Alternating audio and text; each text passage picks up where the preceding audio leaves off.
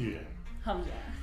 Nou, allereerst wil ik je heel erg bedanken dat je mij mee hebt genomen op dit avontuur wat de Leiden Lowcast heeft. Nou, geen probleem. Het was uh, me genoegen. Het was heel erg gezellig samen. Dankjewel. Het was gezellig samen, luisteraars. dat horen jullie goed. Als dit allemaal een klein beetje mee zit, gaan Irene en ik allebei afstuderen dit jaar. We hopen in ieder geval dat het gaat lukken. Fingers crossed, docenten als jullie meekijken. Uh, in ieder geval gaan proberen af te studeren. En dat betekent dat er voor ons een einde komt aan het avontuur van de Leiden Lawcast.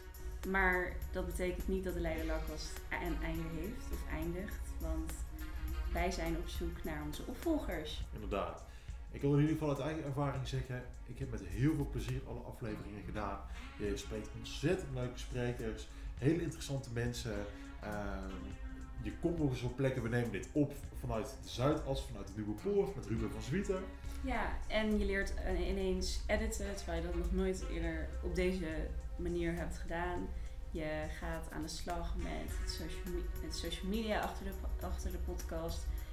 En het allerleukste is denk ik wel dat je eigenlijk hebben wij elke keer weer met z'n tweeën een soort privécollege. En kunnen we onze gast het hemd van het, lijf, uh, van het lijf vragen. Precies, en ook in ieder geval voor mij, de faculteit gaat ook echt meer leven. Ik kom nu mensen tegen, ik kwam bijvoorbeeld gisteren terwijl we het opnemen, kwam ik uh, Georgina tegen van onze derde aflevering is dat volgens mij. Ja. Uh, die kwam even een praatje maken. Ik kwam Esther Kenten nog wel eens tegen. Daar staat er al snel een, een kwartier bij te, te, praten. En gewoon het, het kan heel erg leven. Gewoon docenten voelen wat meer als je collega's in plaats van mensen van wie je school tegenover schrijft. Dus studeer jij ook rechten in Leiden en vind jij het zo leuk om naar deze podcast te luisteren en denk je, dat kan ik ook, of misschien kan ik dat wel beter dan het uh, Ida en Hams uit kunnen. Waarschijnlijk niet. dan mag je solliciteren, want wij zoeken jou. En um, als je denkt, wij zijn een heel goed duo, want we zoeken twee uh, opvolgers. Mm -hmm. Als je denkt dat je een goed duo kunt zijn, mag je ook met z'n tweeën komen solliciteren. En uh, wie weet, start jij wel de eerste aflevering van het volgende seizoen. Yes, dus check de info die of je boven komt te staan of je onder ligt, een beetje aan welk medium het is. Um, ja, vul, vul het in, meld je aan en we kijken heel erg uit naar jullie aanmeldingen. Nou, tot snel misschien. Ja, misschien tot snel. Dag.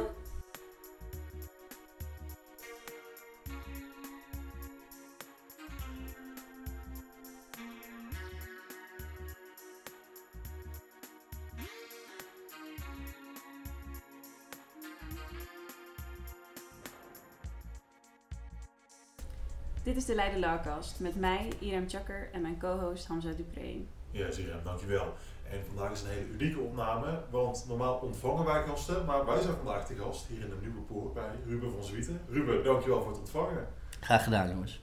Ja, leuk. Um, wij beginnen eigenlijk altijd onze afleveringen met uh, het verhaal van onze gast. Je studententijd uh, tot nu toe. Dus, uh, dat zouden we ook van jou wel willen weten. Ja. Nou, ik heb nog niet echt afscheid genomen van mijn studententijd. Lijkt het zo. In dubbele zin. Uh, zowel um, de gezelligheid en het, uh, en het drinken en het elke keer weer realiseren. Had nou gisteren even grenzen aangenomen. Uh, maar, geval?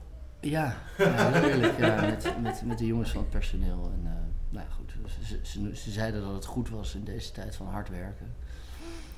En uh, nou ja, dan, wie ben jij dan als leider om niet uh, voorop te gaan?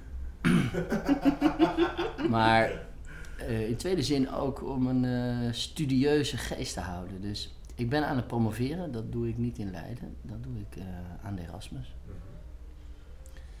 En um, ik heb een dochtertje van zes, Salome, en ik was op bezoek bij um, mijn promotor, en dat, dat is Rinse Reling Brouwer. En die heeft een woonkamer. Nou ja, dat is, jullie zien hier in de Nieuwe Poort in het hart van de Zuidas heel veel boekenkasten. Ja. Maar deze man die heeft ongeveer, denk ik, alleen even waar zijn koffiezetapparaat staat en zijn kookplaat. Daar, daar, daar staat geen boekenkast. Voor de rest is het gewoon een, een museum. En mijn dochtertje vond dat heel interessant. En toen dacht ik, ja, hoe moet ik nou uitleggen wie hij is? Ja. Een uh, kleine, grijs mannetje. en uh, toen zei ik, nou, uh, Salome, jij hebt toch een meester? Zei, nou ja, uh, dit, is, dit is de meester van papa. Heb jij nog steeds een meester? Ja, Salome, ik heb nog steeds een meester. En denk dat ik ook nooit klaar ben met school. Dat is Ja, heel moois. Ja. Ja, dat is inderdaad wel mooi. En eh, Ruben, eh, je staat, eh nou ja, weet je, op de eh, straatversie is eh, Zuid als dominee, als bekend, predikant. Eh, je dochtertje een hele bijbelse naam. En eh, op welk gebied ben je nu promoveren? Op taalfilosofie. Taalfilosofie. Over de, de, de taal in de bestuurskamer. Ja. Of die eh, te veel is beïnvloed of vergiftigd door de bedrijfskunde. ja. En in hoeverre bijvoorbeeld juist bijbeltaal kan helpen. Ja. Dus je hoort vaak managers zeggen... Is eh, nodig dat we een eh, stip aan de horizon zetten. en eh, er was wel eens een dominee die zei... ehm, I went up the red hills of Georgia and you know what I saw? I saw them sit together, the sons of the former slaves and the sons of the former slaveholders were sitting together at that table of brotherhood. I have a dream. Let's go to the promised land. Hè? En ik ben ervan overtuigd, ehm, de woorden die je gebruikt doen ook iets anders. Dus het is niet zomaar een middel om een boodschap van zender naar ontvanger te brengen. Ehm, een stip aan de horizon bezielt volgens mij niet. Terwijl Let's Go to Promised Land is, ja, oké, ik ga mee. Waar is dat beloofde land? Ik weet niet waar het is, maar blijkbaar een belofte. Maar ik ga Ja. mee. Dat, dat bezield engageren, dat ontbreekt denk ik bij veel leiders. Waardoor ze zouden wel een verhaal kunnen vertellen, maar ze hebben gewoon niet de taal van het verhaal. Mhm. En ehm, ze zijn dus volgens mij niet eh, eh, bij machten om procestaal los te laten. En om dus de taal van de ontmoeting en van de mensen, van het hart te spreken. Ja. ja, precies. Ja. Wim Voermans die heeft het ook vaak over, over de taal, dat je met elkaar praat. Bij Arjen Lubach laatst is hij nog eens gepromoot. We hebben staatsrecht van hem gehad. Hij praat ook altijd in. eh, hij legt staatsrecht niet uit aan de hand van, eh, van hele simpele boeken. Maar hij, hij haalt de hele tijd uh, Duval Harari aan om, om dat uit te leggen. Maar dat brengt me eigenlijk terug bij het punt dat ik wil maken en wat je eigenlijk best ondersteunde. Ik zie wel een, een, een bijbelse toon door, jou, door jouw carrière voeren in ieder geval. Zou je er wat meer over kunnen vertellen? Ja. Ehm, en daarmee ook nog steeds bij die eerste vraag over mijn studententijd. Kijk, ik heb in Leiden theologie gestudeerd en in mijn tweede jaar rechten. eh, erbij. Eh, dat was omdat ik in een Minerva-huis zat waar heel veel ehm cursistenrechten zaten. Ja, dat En, die studeerde op de Joho-manier. En ik ben één keer naar een college, eh encyclopedie van de rechtswetenschap geweest. En ik vond ook een verademing dat je gewoon niet gemist werd. Terwijl ja, bij theologie, als ik er niet zou zijn, dan was 25% afwezig op een gegeven moment. Dus dat is Ja, vrij zijn het andere getallen. Maar de theologische wetenschap in, in Leiden gaat eh, heel erg over... Is de Bijbel wel of niet aantoonbaar een vorm van geschiedschrijving? En dan komen ze in Leiden tot de conclusie dat dat niet zo is. Ja. Dus eh, in het LAK-theater had ik bijvoorbeeld colleges godsdienstarcheologie en dan werd met de zogeheten Cobalt C14-methode werd berekend dat het zeer onwaarschijnlijk is dat een volk 40 jaar door de woestijn heeft getrokken. Dus, nou ja. Dus later, toen ik in Amsterdam ging studeren, en dat heet dan niet de, dat heet dan de Amsterdamse school. Dus, nou, geweldig dat ze daar in Leiden zo druk mee bezig zijn. Dat is echt fantastisch. Ik bedoel, deden ze ook eigenlijk archeologisch onderzoek naar het snoephuisje van Hans en Gietje.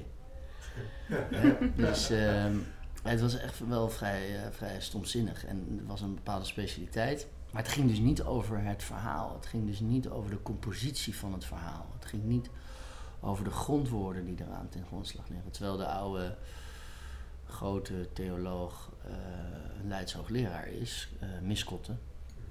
En eh, een van de locaties die de Nieuwpoort heeft gemaakt is tijdens corona dan in Zeeland, een 13e eeuwse kerk, waar deze Miskotte, Leids hoogleraar, eh, zijn predikanten bestaan begon in 1921. En ehm, ik, ik, ik, heb een, ik heb een enorme drive om mensen in het verhaal mee te nemen en te laten zien dat ze niet gelovig hoeven te worden, misschien wel niet gelovig kunnen worden. Misschien dat ze beter kunnen voorkomen dat ze religieus worden, maar dat ze mens worden. En dat ze alles in het werk moeten stellen. Dat ze mens kunnen zijn. En dat ze ook andere mensen bevrijden van alles wat hen belet mens te zijn. Dus de Bijbel is een enorm bevrijdingsboek. Het gaat eigenlijk eh, niet over een Jezusfiguur. Eh, dat is een personage die een uitleg is bij het grote verhaal van de uittocht uit Egypte, de Exodus. En, ehm, en, dus ik, ik heb mm, vaker bondgenoten in de kunst, of eh komieken, of tekstschrijvers, of songwriters. En, en ja, wat minder binnen de kerk. Want men zit toch nog heel erg over, ja, God stuurde zijn zoon naar de aarde in het jaar 0 en toen is onze jaartelling begonnen. En dan in het jaar 33 was het het hoogtepunt. En een heel bijna natuurkundig schematisch schema. Ja. En eh, ja, daar, daar, daar verzet ik me met overtuiging tegen. Meer eh, Umberto Ego dan Gomaris, wat ik het zou zeggen. Eh, nou ja, dat was een wedstrijdje over de vrije wil. eh, het Leidse debat tussen Arminiërs en Gomaris. Maar ehm, ja, Leiden heeft natuurlijk ook een enorme geschiedenis van, van eh, ja, maatschappelijk angehaupt zijn. Nadenken over internationaal recht en vrede. En je moet niet vergeten dat de Bijbel een buitengewoon politiek pamflet is voor deze wereld anders. En kijk, op, op basis van de Bijbelverhalen ben ik al sinds 2014 aan het preken dat we sport en politiek gescheiden moeten houden. En nou in één keer kan ik, weet, ik, kan, ik weet uitstekend dat we in Sochi de winterspelen hebben gedaan. Dat eh, Willem-Alexander, de Leidse prins Pils, daar in het Heineken Hollandhuis zat. Ja, dat moest hij gewoon niet doen. En heel veel mensen, nou nou toch op, met name VVD'ers. Van nee, eh, ik hoor Edith Schippers nog zo zeggen, sport en politiek moet je gescheiden houden. En even later wordt er krim. Hè. Het is wel heel netjes dat hij Ja. nog even wachtte eh, met het begin van de Olympische Spelen. Maar voor het einde van het begin, eh, voor het einde van de Olympische Was dat Winterspelen, voor het einde van Sochi? voor het einde van Sochi, op 22 februari 2014, annex- dus begint de annexatie van de Krim. En ehm, ja, jongens, het is dus. ehm, waarom hebben we afgelopen winterspelen eh, naar de NOS-uitzendingen gekeken? Waarom heeft überhaupt de NOS dat uitgezonden? En eh, gaan we nou toch meedoen in Qatar? Eh, waarom hebben we in Brazilië gevoetbald? En waarom hebben we ook nog in, Rusland gevoetbald in Ja. de WK 2018? Het zijn al die grote sportevenementen die juist het teken zijn van verbroeding. Hè? Die Olympische ringen van de veelkleurigheid. Dat elk mens een kleur mag zijn. En dat we allemaal onderling met elkaar verbonden zijn. En dat je, het is niet het logo van de Audi. Ja. Maar het is, het is natuurlijk... En we, we, we gaan naar landen waar ongeveer precies het Faro-verhaal, het anti-verhaal van bevrijding eh, wordt, eh, wordt hooggehouden. Nou ja, dat, dat, zijn, dat zijn dingen zeg maar, die ik vanuit de theologie eh, beschouw. En, dus ik probeer zowel een profeet te zijn als, als een pastor voor, voor, ehm, voor de bovenkant van de Nederlandse samenleving. Ik merk dat ik helaas een enorme aantrekkingskracht heb op de elite. Dat is heel prettig, want daardoor ben ik voor hen een vertrouweling en een fluisteraar en een herder en een leraar, maar tegelijk ook een criticaster, een profeet, een tegenspreker, een nar. En voor sommige mensen is dat heel ingewikkeld. Eh, je bent of het een of het ander. Je bent of koopman of je bent dominee. Maar je kan er niet allebei tegelijk zijn. Dus ik ben soms iets te hybride voor de Nederlandse hokjesgeest. Ja, wij hoorden net ook al dat jij, ehm, je bent bekend als de dominee, als de Zuidas dominee. Maar we hoorden dat je niet gelovig bent. Van wie hoorde je dat? Van eh, die, die jonge man achter jou. Mm. Noem maar geen Als, dit, ehm, als dat de vertaling is van mijn medewerkers, dan moeten we nog maar eens even het seminarium vergroten. Maar ehm, ik denk wat Daan probeert te zeggen, eh, in jullie voorgesprekje tijdens een kopje koffie, is dat je, je loopt niet rond met je geloof. Het is geen. ehm, het wordt niet vergezeld van een bezittelijk voornaamwoord. Dus eh, hoe groot is jouw geloof? Nou ja, mijn geloof is, en dat is natuurlijk heel erg in evangelische kringen eh, de manier om erover te spreken. En dat doen ook veel Bijbelvertalers van het Nederlands Bijbelgenootschap. die plakken er ook zo'n bezittelijk vormwoord. Wat in de grondtekst helemaal niet staat in het Grieks of in het Hebreeuws. Maar uh, geloven is een, is een relationeel werkwoord. Hè, zoals de Engelse to believe en to have faith onderscheiden. En, Ja. en het, het, uh, het Hebreeuwse geloven lijkt veel meer op, op faith dan op, dan op belief. En ja, anders krijgen we van die enorme open deuren. Dus ja, geloof is natuurlijk niet zeker weten. Ja, dan, dan, dan denk ik, is er nog een atheïst in de raad waar we het gewoon even over voetbal kunnen hebben. Ja. Maar en, en, en bijvoorbeeld, uh, ik denk dat de Bijbel dus ook begint bij atheïsme. Dat uh, er heel veel theïsme zijn. En theïsme is niks anders dan een godsbeeld. En heel veel mensen hebben een godsbeeld. Hè. Die, die zweren bijvoorbeeld bij Ajax of bij een andere voetbalclub. Of die hebben uh, hier op de Zuidas als advocaten. Dus die zweren bij, um, ja, bij hun jaarinkomen wat ze maar voor drie ton opgeven. En dan voor zes ton brengen ze onder in een uh, besloten vennootschap uh, met als uh, eufemistische bedrijfsnaam eindelijkvrij.bv. Of waar ze ook maar achter waren gekomen. Niks meer dan een postbus. En, ehm, en, en, en, en, en, dat kan ook zomaar een afgod zijn. Dus iedereen heeft zo, zo wel zijn eigen godje. Mensen die de hele dag naar, een, naar de status van hun beleggingen zitten kijken alsof ze daar invloed op zouden kunnen uitoefenen. Of uh, de hele tijd uh, op Funda gaan kijken wat nu de nieuwe waarde is van hun huis. Als ze het nu op dit moment zouden verko weer zouden verkopen. Nou ja, dat zijn, dat zijn dus de mens is helaas een religieus wezen. En de Bijbel roept dus op tot antireligiositeit. Om je dus te bevrijden van, van die valse bindingen. De valse goden. Valse goden, precies. Ja, ja. Om te focussen op. Ja, en, en Kijk, Miskot is uh, na Kortgene in Zeeland is hij de predikant geworden tijdens de Tweede Wereldoorlog van de Nieuwe Kerk aan de Dam. En dat was ook de plek waar heel veel het verzet samenkwam. En hij schreef heel veel uh, de teksten op de pamfletten. En een van zijn pogingen was bij bijbelklassen die hij begint zoals wij die nog steeds beginnen geven. En zoals ik die met uh, partners en leden van raad van bestuur ook lees, is het Bijbels ABC weten wie God is en wie niet. Hè? Dus geloof jij in God is een hele stomzinnige vraag, omdat je niet dat vooraf laat gaan door een definitiebepaling. Uh, Poetin schijnt ook in God te geloven en uh, de patriarch van de Russisch-Orthodoxe Kerk schijnt dat ook allemaal te bewieroken. Nou, dan, uh, dan denk ik dat een goede godverdomme wel op zijn plek is. Ja. ja. Maar dat is eigenlijk wat je eigenlijk al zegt, je bent een beetje de fluisteraar van de elite, maar de criticaster. Dat is wel een, een unieke positie waar je in zit. Ik denk dat ook de dingen die we de laatste maanden hebben, de laatste jaren, bijvoorbeeld zelfs zo'n Joris Luijendijk, daar wordt in één keer naar geluisterd. Ook hij kan de elite aanspreken in een zekere manier. En dat is een hele knappe eigenschap om te hebben. En ik heb ook het idee, ook met het verhaal van valse afgoden, jij interpreteert het christen, of het, het, uh, het verhaal van Christus, het Bijbelverhaal, en op een manier dat het ook eigenlijk een spiegel is die je mensen voorhoudt. Geloof niet in die valse goden.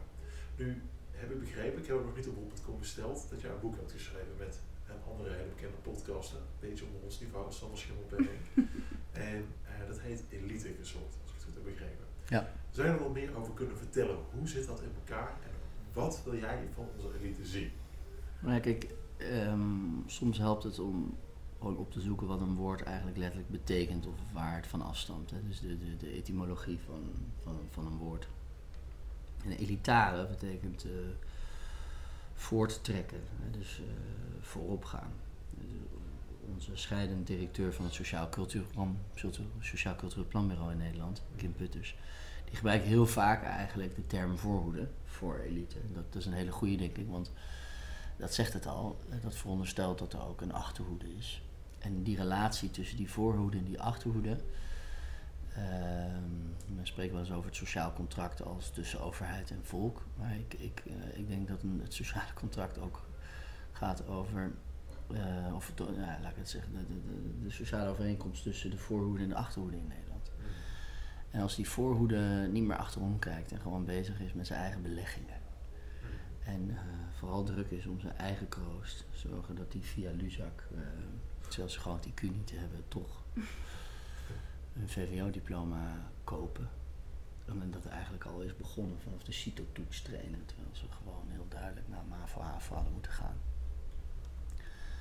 En dan, ehm, dan, dan, dan groeit het scheef. En dat is bijvo- bijvoorbeeld al langer dus door de onderwijsinspecteur vastgesteld. Al in Ja. 2016. Van, ja, Zeker tijdens corona ook.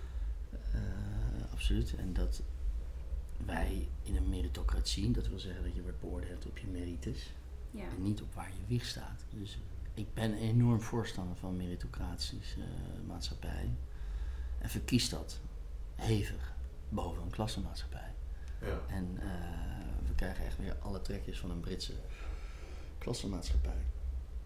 Omdat het nog weer heel erg uitmaakt hoe ver je komt in het onderwijs, waar je weer staat, eh, hoe ver je komt op de woningmarkt Ja, met, met een jubelton. En, eh, en eh, Sander en ik hebben dat, eh, hebben dat eh, uitgeschreven in een boek. En dat is vervolgens dus eh, bij de VPRO in de serie gekomen. Geloof. Ja, Ja, ja. Ja. Goede serie, een beetje VPRO ik voor mij, maar dat is wel goed. Ja. ja, het is inderdaad wel een goede serie. Om even je ogen te openen af en toe. het, eh, het boek begint met een avond eh, op Minerva, waar je dus eh, president van Sociëteit was in 2004. En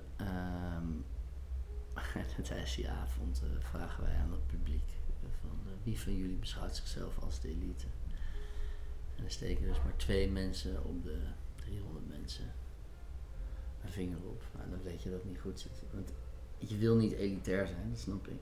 Dat is een. Maar je bent het nou eenmaal. Je Ja. bent het al heel snel. Je bent al heel snel behoor je tot de voorhoede van Nederland. Kijk, een KLM-piloot zal nooit zeggen dat hij tot de elite behoort. Maar als je weet wat hij verdient, eh, dan, eh, dan behoort hij daartoe. Als je weet eh, wat zijn voorrechten zijn, wat zijn opleiding is geweest. Wat hij wel bij de bank geleend krijgt. Ja. En wat andere mensen niet bij de bank geleend krijgen. Dat is denk ik een mooi voorbeeld van die, kijk, die mensen zouden zelf zeggen, maar ik sta toch niet in de quote 500? Ja, maar dat, Dat is niet wel het enige 500. criterium. Ja. Ja, ja, ja, precies. En als je vragen mensen aan de quote 500, dan verwijzen ze altijd weer naar degene die bovenaan staat. En als je vraagt aan de nummer 1 van de quote 500, waar ik ooit adviseur van was, dan bestaat er weer een hele wereld buiten Nederland, waarin je natuurlijk eigenlijk maar heel beperkt rijk bent. Ja. Maar dat is wel makkelijk. Ja, dat, is- maar dat, dat, dat ha- ha- hangt dus samen met jouw mensbeeld. Als jij gelooft in de homo competitivus en het, alles ziet toch door een wedstrijd en altijd in lijstjes denkt, dan, eh, dan, dan, dan there's only one way and that's the way up. Ja. En, en, en, en, en dus denk je in termen van winnaars en verliezers. En wat ik zei over voorhoede en achterhoede. Kijk, de Bijbel heeft daar een andere metafoor voor. Die spreekt over broederschap en daarmee ook over zusterschap. Ja. Net zoals dus ons Europese volkslied. Dankzij Friedrich Schiller via de negende symfonie van Beethoven, alle Ja. mensen weer een brüder. Je spreekt dus over een sterke broeder en een zwakke broeder. Ja, dat is heel mooi. En, en eh, mensen zeggen, ja, je bent liever nooit een zwakke broeder. Maar dat is natuurlijk vanaf meerdere perspectieven te zien. En, en neem alleen maar als je wordt geboren. Ongetwijfeld is dat kind bevoorrecht. Maar als het geboren is, is het puur een zwakke broeder. Want het is het een en al aangewezen op de hulp van een ander. Als je niets Ja. doet, gebeurt er niks met dat kind. Dat is natuurlijk eigenlijk een heel fascinerend idee. Dat, dat, dat, hoe, eh, hoe gaaf Poetin nu ook doet. Maar tenzij hij niet eh, op brute wijze wordt omgebracht, eh, zal hij waarschijnlijk ook eindigen met een slabbertje. Ja. Hè? Dus je wordt geboren met een slabbertje en je eindigt met een slabbertje. Nou ja, en je kan ook vol in de kracht van je leven staan, maar je kan ook ehm, heel erg ziek worden. En dan kun je voor kortere tijd een zwakke broeder zijn.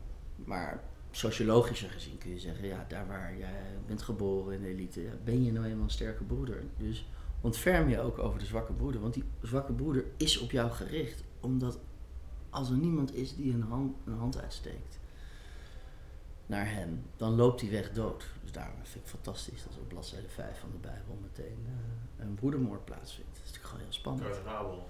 Ja. Ja. Kain betekent ook letterlijk in het Hebreeuws hij die bewerkt. Hè, een- magge in het Duits. Dat is echt een maker. En Abel betekent in het Duits, in het, eh, sorry, in het Hebreeuws. Abel eh, betekent eh, damp. Dus, dus het is heel kwetsbaar. Je hoeft maar te blazen of, of hij staat niet meer overeind. Het is weg. Het is, het valt in elkaar. Aarde tot aarde, stof tot stof. Ja.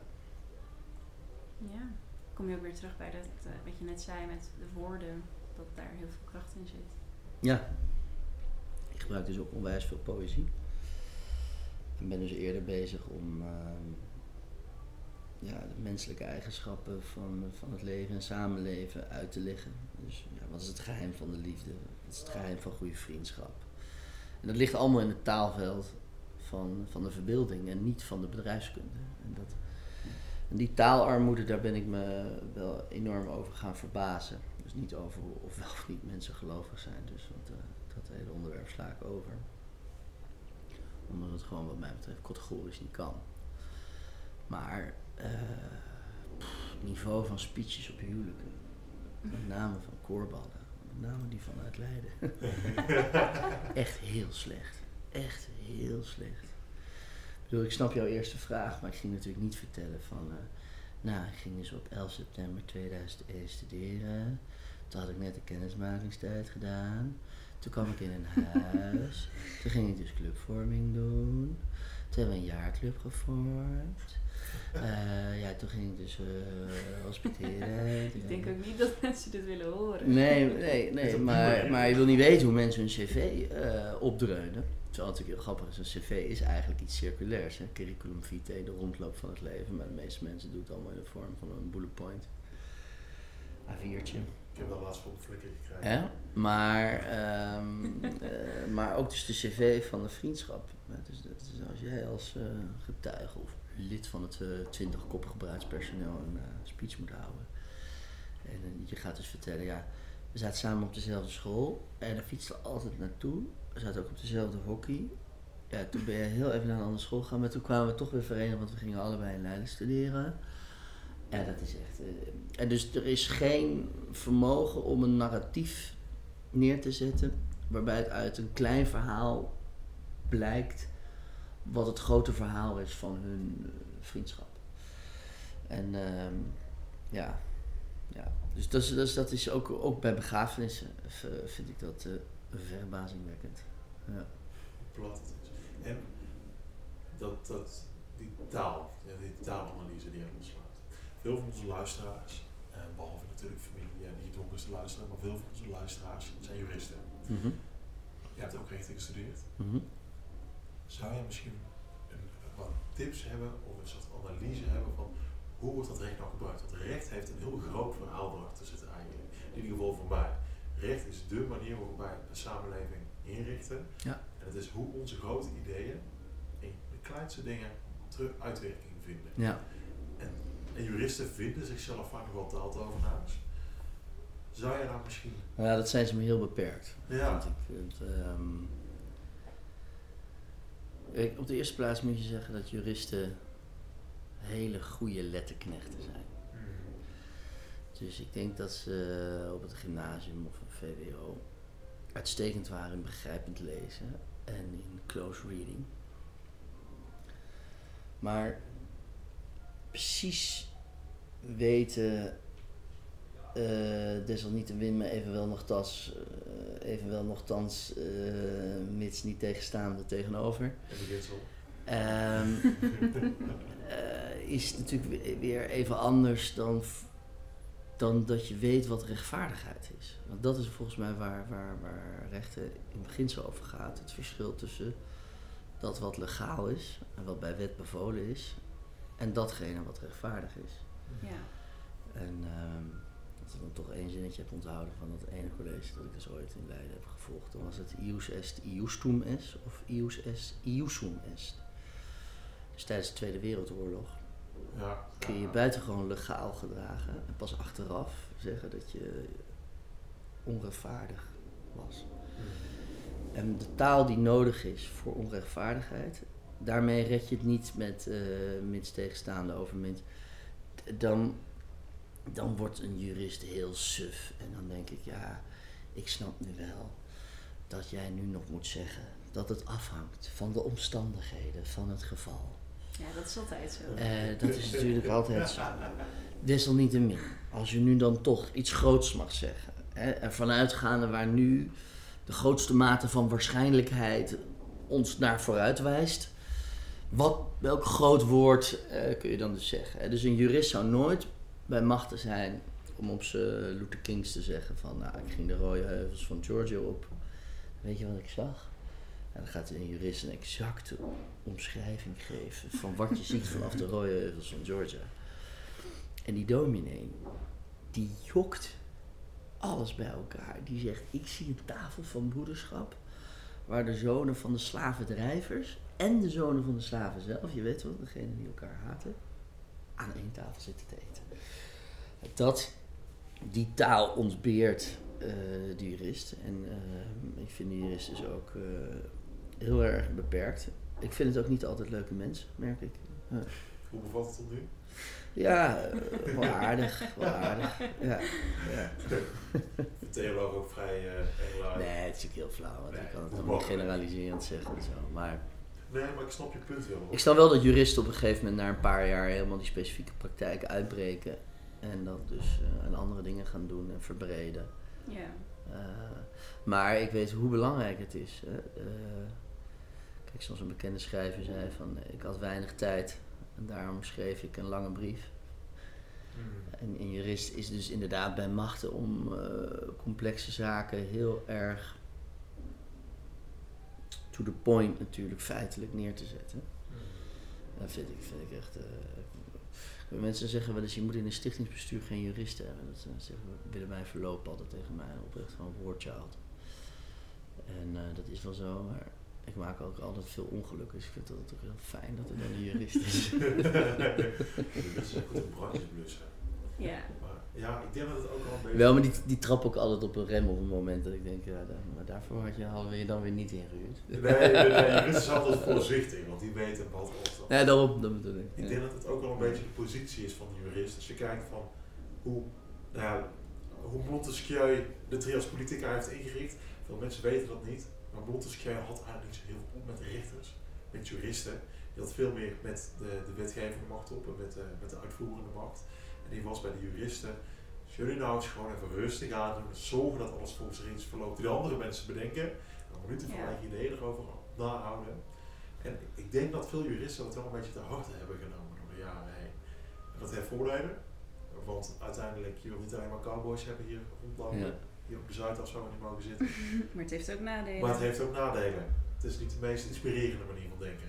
Nee, inderdaad. En dat, dat creatieve, dat wordt nu steeds meer verlangd van juristen. Maar dat is de eerste paar jaar van je studie er denk ik van uitgeslagen eigenlijk. Ja, Nou, ik, wat mij, mij viel iets anders op, want ik heb dus wel eh, gedacht van, eh, dat ik bij Wim Voermans nog staatsrecht zou gaan doen. En zo. Dat vond ik- leek me interessant, eh, kerk, eh, kerkenrecht, bestuursrecht. En, ehm, of rechtsfilosofie. En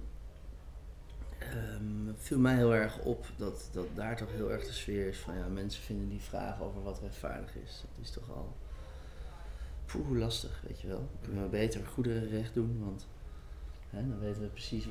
wie een houder is van een boek. En dan kun je zeggen het was wel of niet eh te goede trouw. En dan, nou, dan, het is meer naar wiskunde B dan... eh, ja. dus dat, dat ging niet altijd iedereen even goed af. Maar ik echt dacht van, ja, weet je, als je je gewoon zes keer kwaad maakt in een jaar dan heb je gewoon je jaar gehaald. ja. ja, dat of wel of eh, twee keer vijf, maar niet half en dan nog een paper moeten inleveren en dat presenteren en dan krijg je... Nee, dat, eh, dat ontdekken wij allemaal pas in een master. Dat Dan, is ja. wel even dan denk je ineens, ja. oh ja, dat moet ook nog. Ja, leuke, leuke hebben. Ja, en bij het. OM, mooi. Ja? Belangrijk dat dat functioneert en dat dat ook eervol is. Ik, eh, ik ben heel kritisch tegenover de VVD. Ik vind dat in de afgelopen eh, tien jaar eh, met name dus kennis, eh ambtsdragers eh, zijn wegbezuinigd.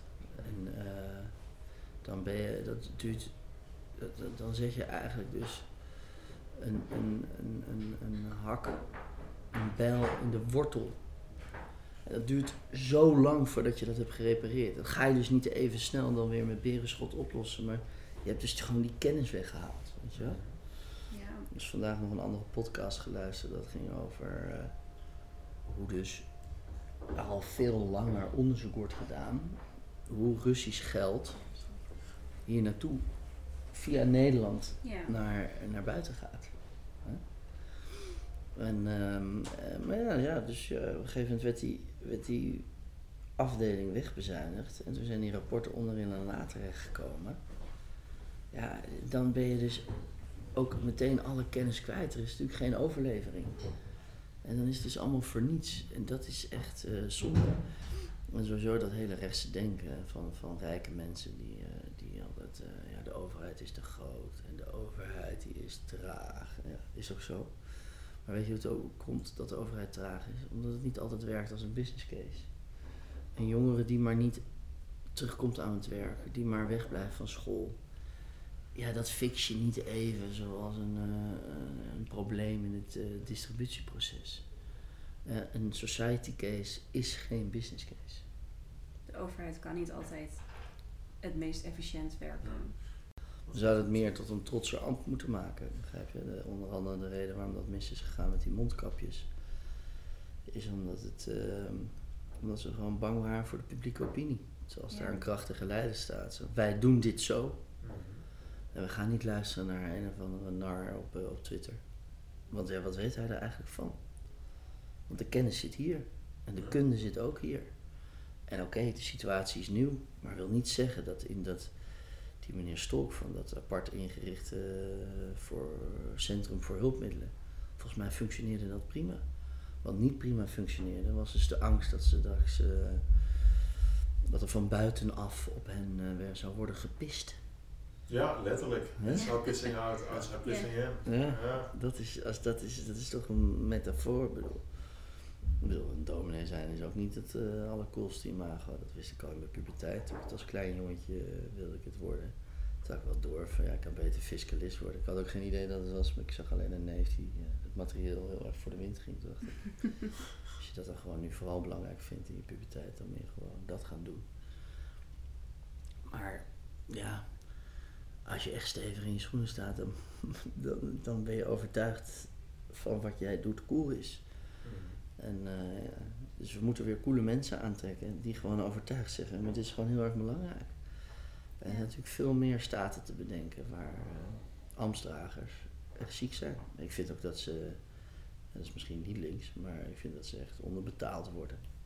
Ja. Ik vind dat dat naar verhouding, uh, als je ziet wat een, een margarine manager verdient, dan nou, vind ik dat dat wel enigszins concurrerend mag zijn. En tegelijkertijd ja, kun je ook vragen stellen bij, uh, bij dingen, hoe dingen zijn ingericht, hoe, uh, hoe mensen kunnen verdienen. Ik bedoel, uh, het zijn geen ondernemers, hè? ondernemers zijn mensen die nemen risico's. Ja. Die durven geld te lenen en daarvoor te tekenen. Ja. Heb ik het niet over de kinderen van, die vervolgens geld lenen gewoon van papa's BV. Want, nee, we komen in een enorm ongelijke wereld. Dat baart mij wel zorgen. En ook het de nonchalance van, nou, dat valt toch wel mee. Nederland is toch best wel egalitair. Dat is toch, hè? Ik denk, ja, je loopt gewoon echt achter. Ja. Kijk, en trends gaan hard, hè. Wil, uh, kijk, groei is exponentieel. dat is Ja. zeker waar. 12, Ja. 12% rendement over een miljoen is wel echt een andere 12% dan over 20.000 euro. Die loopt snel. Die loopt heel snel. Maar Ruben, heb jij misschien ideeën, en dat kan heel pretentieus zijn om daar eigenlijk nu een uitspraak over te doen, want er is een hele politiek die daar natuurlijk alles aan probeert te doen. Maar heb jij ideeën waarvan jij denkt van dat zouden we eigenlijk eens moeten doen om, om dat soort problemen op te lossen? Om te zorgen dat het niet meer zoveel boeit waar je wiek, staat. Nou, we zouden zeker anders moeten stemmen. Ik denk dat er nog steeds ruimte is voor, uh, voor een nieuwe partij in het midden. Die misschien uh, durft inderdaad links-economisch te zijn, omwille van iedereen. En um, ja, meer structureel ben ik echt van overtuigd dat een samenleving naast het marktplein van de economie en naast het raadhuis van de politiek gewoon dat kerkgebouw nodig heeft voor leven en dood. Mm. En dat uh, dat, dat uh, muren slecht tussen mensen. En als het goed is in die kerk, als het zijn, als het zijn werk doet, de gemeenschap met voor- en achterhoede bij elkaar brengt. Op een niveau anders dan de handel. Ja. En dan snap je ook dat mensen heel erg kritisch kijken naar de stappen die de koning en de koningin zetten. Of ze dan wel of niet een buitenhuis in Mozambique nemen of in Griekenland. En of daar wel of niet naartoe gaan op het moment dat het geel reisadvies is. maar je, je wil dat eigenlijk voorkomen. Je wil eigenlijk een samenleving hebben waar we elkaar betrokken raken, waarbij je dat ook merkt. En dus ook makkelijker naar elkaar kan omzien. En, en ook niet alles aan de overheid hoeft over te laten. En uit zo'n kerk komt bijvoorbeeld naar voren. Kijk, dat zijn niet wetten, maar dat zijn uh, gewoonten en rituelen. Dus dat je 10% van je inkomen bijvoorbeeld weggeeft. Ja, dat is echt ondenkbaar nu hoor. De fooi bestaan niet in Nederland, hè? Nee, dat, is dat, uh, dat, dat noemen we in het Hebreeuws tzedaka, uh, rechtvaardigheid. Mhm. Een tzaddik is een rechtvaardige, dus je geeft ja, 10% weg. Dat is gewoon rechtvaardig, punt. Ja, dat is, dat is niet dan een wet. Ja, het wordt wel uiteindelijk een wet, maar het is vanuit het idee dat als je hart overloopt en overstroomt, dan doe je dat gewoon. Ja. En wat ik zei over die sterke en die zwakke broeder. En uh, ja, uiteindelijk uh, is het natuurlijk zo kwetsbaar dat als we in onze kist liggen, dan, uh, dan blijft er ook niks anders over dan een naam. Mhm. En eh, daar moeten we vaak wel weer even op gewezen worden. Maar wij willen helden, hè? wij willen helden, anti-held. Ja, we doen nu ook Poetin tegenover Zelensky. Is, uh, we zijn helemaal vergeten dat Zelensky natuurlijk gewoon uh, nog in de onthullingen van de Pandora Papers stond. Ja. Dat hij niet heel lang geleden werd verkozen We willen het daar op de belofte van het elimineren van corruptie. Ja. Maar de man ongeveer zelf uh, in megaconstructies verwikkeld is. en juist is dus terug te weer te vinden op datgene waarop hij verkozen is. Maar maar ja, wij willen dat, wij willen dat tegenbeeld. En ja, zo'n held, ja, die wordt dan natuurlijk weer op kniehoogte daarna afgezaagd. Maar mensen zijn mensen, die maken fouten. En die zijn dus niet als de goden. En met name hier op de Zuidas, dat zie je ook aan de torens, hoe, hoe hemelgericht ze zijn. Ze zijn allemaal heel, heel, heel verticaal natuurlijk. Ze willen juist wel worden als de goden. Ja, hoe hoger je zit, hoe beter. Hoog en droog. Maar uh, de ontmoeting uh, vindt plaats op de aarde. Hè? horizontaal, van aangezicht tot aangezicht. Het is dus grappig dat je dat zegt, want ik ging er eigenlijk vanuit dat de nieuwe poort de hoogte in zou gaan. Maar dit gebouw is vlak. We zitten ook, de mensen lopen voor ons langs terwijl we hier zitten. Mooi hè? En dat viel me op. Ja. We liepen hierheen. En Ja. ik dacht ook van, we gaan een groot gebouw tegemoet lopen. Maar het is horizontaal. Ah, ja, maar je ziet het, hè? de materialen die we hebben gekozen, veel hout. Het is Ja. al dat staal, het is al dat grijs. Nou, je ziet dus de teksten, de gedichten, Het eh, de exposities die we hier hebben, de, de, de pianomuziek van studenten van het conservatorium. De sociale werkplaatsen, dus als je heel even goed kijkt, dan zie je natuurlijk dat het niet gewoon normale koks zijn, maar mensen met een afstand tot de arbeidsmarkt die van school getrapt zijn, eh, ex-gedetineerden, voormalige daklozen, mensen die heel lang op asiel hebben gewacht, maar nu dus wel Nederlander zijn. Nou, die werken hier in de, in de sociale werkplaats. En we zitten hier tussen de boekenkasten van eh, de rabbijn Yehuda Askenazi, die in de jaren 30 aanvoelde waar het naartoe ging. En die dus eh, verbranding van de bibliotheek wilde voorkomen. En dus de boeken meegaf aan mensen die hebben verstopt. Dat is een van de, de ene meest complete bibliotheek van, van Nederland, na die van het meeste Convistenplein eh, in het hart van Amsterdam. Dus dat, is, dat ademt natuurlijk wel wat. Uh, dus verhalen zijn belangrijk. En niet verhalen alleen om in een, in een boek te lezen in een hoekje, maar om dat gezamenlijk te doen. Om gezamenlijk verhalen te lezen. Dat is iets, uh, nou, misschien is het toch iets voor juristen.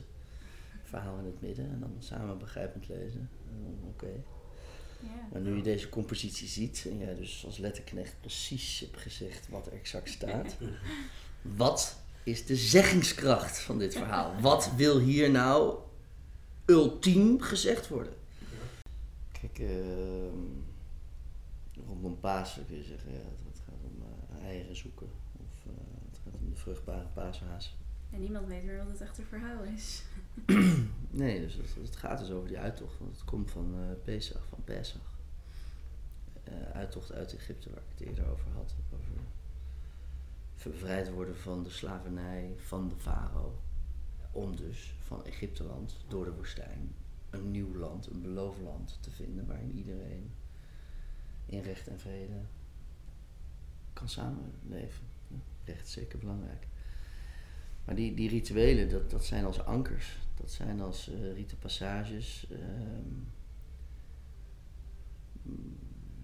Dus, dus ja, het, het- is niet meer. Het is niet zoiets als kastanje zoeken, maar het is.